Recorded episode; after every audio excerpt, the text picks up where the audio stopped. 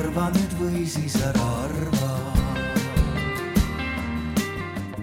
tervist, head äh, ürituse korraldajad, austatud Paide elanikud, äh, kõik külalised. Äh, tänase kõne teema on ühest küljest lihtne, teisest küljest maru keeruline. et kõik me oskame ennustada tulevikku, võib-olla päevad ette, nädalad ette, kuud ette, mõni ka aastad ette, aga kui hakata mõtlema kümne, saja või miks mitte ka tuhande aasta perspektiivis, siis läheb see märksa keerulisemaks. nii et ma piirdun oma sõnavõtus Eesti tulevikust rääkides eeskätt sellise käegakatsutava ajalise horisondiga.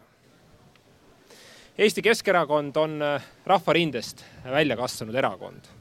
meie jaoks tegelikult Eestimaa riigi käekäik alates selle iseseisva taastamisest, kindlustamisest, Euroopa Liidu ja NATO-ga ühinemisest on olnud alati poliitika keskmes ja loomulikult siinkohal oleme teinud head koostööd kõigi parlamendierakondadega, aga eeskätt Eestimaa inimestega, seda nii riigi tasandil kui kohalikes omavalitsustes.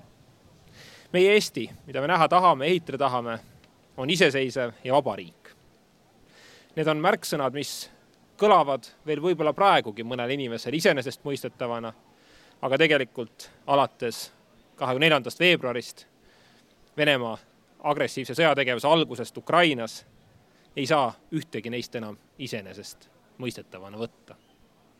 see tähendab, et järgnevate kuude ja aastate üks väga selge suund peab olema Eesti omariikluse kindlustamine, riigikaitse tugevdamine ja kindlasti ka laiapindse elanikkonnakaitse arendamine koos rahva just nimelt kodumaa kaitsetahte tõstmisega.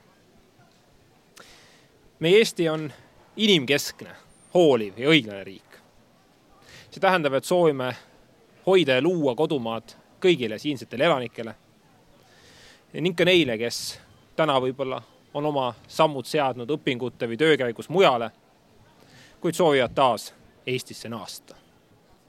meil tuleb iga päev pingutada selle nimel, et kõik Eestimaa inimesed tunneksid, et Eesti riik on ka nende kodumaa, nende isamaa, tunneksid siin hoituna siia oodatuna. Ja ka need, kes on mis tahes põhjustel lahkunud, oma südames siiski sooviksid Eestimaale naasta. see on oluline ka selleks, et Eestimaa oleks kasvava rahvaarvuga riik. me teame, et Eestimaa iive, kui me räägime puhtalt nii-öelda loomulikust iibest ehk sündide ja surmade saldost, on olnud aastakümneid negatiivne. pidevalt kahjuks Eestimaal sünnib liiga vähe lapsi meie seast lahkub nii-öelda viimsele teekonnale rohkem inimesi, kui peale tuleb. Eestimaa elanike arv on viimastel aastatel olnud enam-vähem stabiilne pelgalt seetõttu, et rändesaldo ehk siia tuli, tulijate, siit minejate saldo on olnud öö, positiivne ehk rohkem on tuldud, kui on mindud. aga see ei tähenda, et me ei peaks mõtlema selle peale, kuidas taastada ka positiivset loomulikku iivet, kuidas toetada noori oma pere loomisel, kuidas aidata neid, kes juba on äh, lapse või lapsi saanud.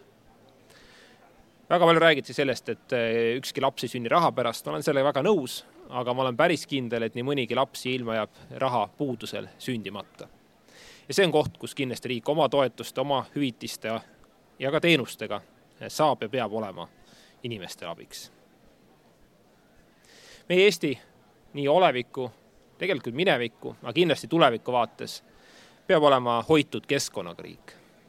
Me oleme uhked selle üle, et pool meie territooriumit on mets. me oleme uhked selle üle, et meil on väga palju looduskauneid paiku, rabasid, metsateesid, põllumaad. tegelikult seda kõike mitmekesisust tuleb osata hoida ja väärtustada. see tähendab kindlasti ka energeetilise ühest küljest mitmekesisuse tagamist, aga teisalt ka samm-sammult keskkonnasõbralikumate energiatootmisviisidele edasiliikumist. Sama küsimus puudutab jäätmemajandust, sama küsimus puudutab meie inimeste enda võib-olla hoiakuid, alustades igapäevatranspordiga, lõpetades võib-olla toidu ja muu sellise äraviskamisega. keskkonnahoid on oluliselt laiem teema kui pelgalt energeetika, pelgalt reostustõrje. see on miski, mida me igaüks peaksime ja saame tegelikult oma igapäevategevusega mõjutada. ikka selleks, et ka järeltulevad põlved saaksid nentida, et Eestimaa on üks looduskaunis, puhta õhu ja väga toreda elukeskkonnaga paik. meie Eesti peab olema ka tervislike eluviisidega rahvaga riik. ma ütlen, peab olema, sest äh, aus vastus on see, et täna ta seda päriselt ei ole. me teame, et meie lapsed liiguvad liiga vähe, me teame, et rasvumise protsent ühiskonnas kasvab juba alaealiste noorte hulgas. tegelikult väga palju meie enda tervisest sõltub meie enda valikutest, tegevustest, otsustest, millele pannakse vundament võib-olla lapsepõlves, aga mida me saame mõjutada kogu oma elu. liikumine, toitumine, piisav puhkamine on peamised tervisehoidjad nii füüsilise kui vaimse tervise vaates.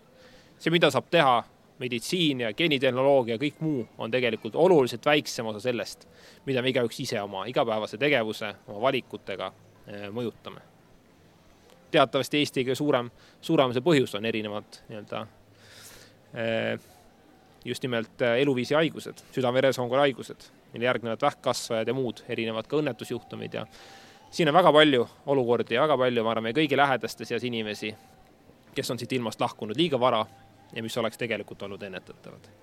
nii et oskus hoida enda, oma lähedaste eh, füüsilist ja vaimset tervist, võib öelda ka tahtejõud teha neid terviseteadlikke valikuid, eh, peab olema Eestis tegelikult märksa rohkem au sees, kui ta on seda seni olnud. Tuleviku vaates meil on, ei ole ka muud võimalust.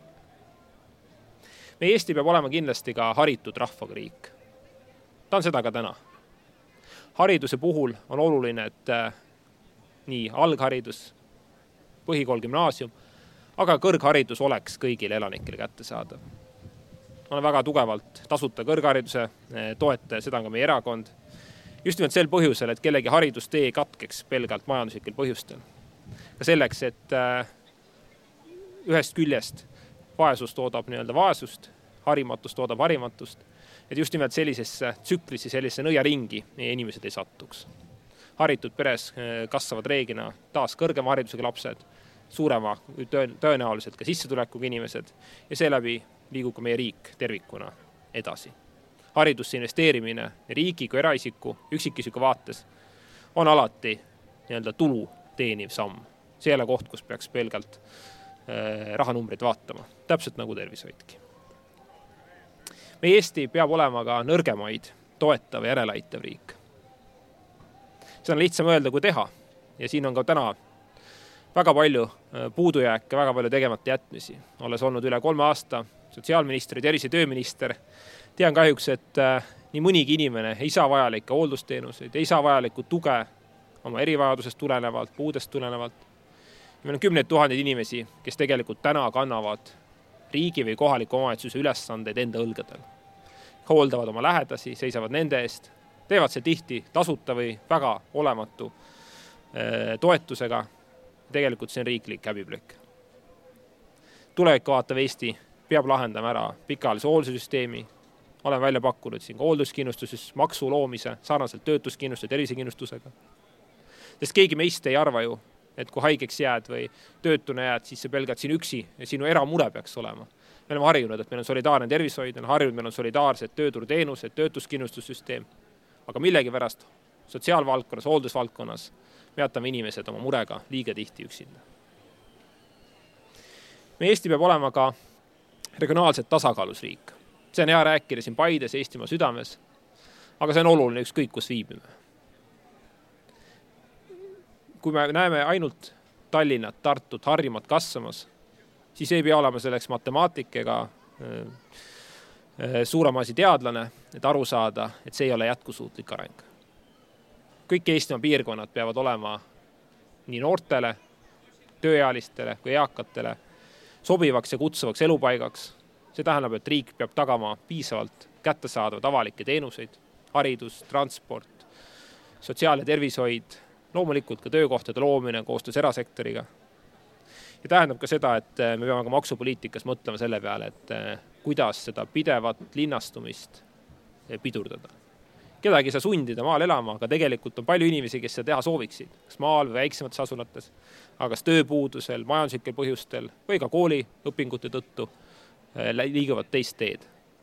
ja pikemas vaates on see jätkusuutmatu tulevikku vaadates väga loodan, et suudame ka siin kokku leppida toimivad lahendused, senisest märksa tugevama regionaalpoliitika, et maal elamine poleks nii-öelda jõukate privileeg, vaid oleks võimalik kättesaadav igaühele, kes seda südames soovib.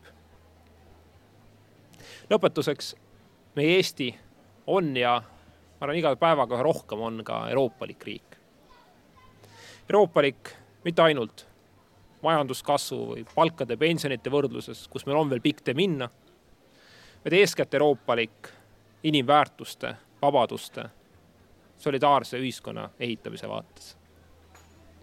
euroopalik väärtusruum on tegelikult Eesti inimestele omane. on miski, kuhu me oleme alati tahtnud püüelda juba aastasadu, kuhu me oleme täna täieväärtusliku liikmena sisenenud. nüüd on oluline, et me lõpetaksime ära võib-olla ka sellise noh, teatud vastandumised. meil siin Eestis on nii, aga Euroopa Liidus otsustati teisiti. Euroopa Liit on kahekümne seitsme riigi liit.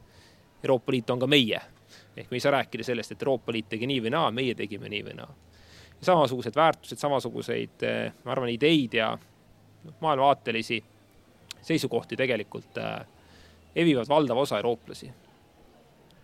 nii et euroopalike väärtuste ehitamine, arendamine on üks suuremaid kindlustajaid tegelikult ka demokraatliku riigi püsimisel, meie iseseisvuse kindlustamisel ja ka just nimelt ühte hoidva ja ühtse kogukonna Eesti ühiskonna ehitamisel. ma tänan, soovin kõigile Eestimaa inimestele, Eesti riigile jõudu ja võimalikult ilusat tulevikku. aitäh! selge see tee.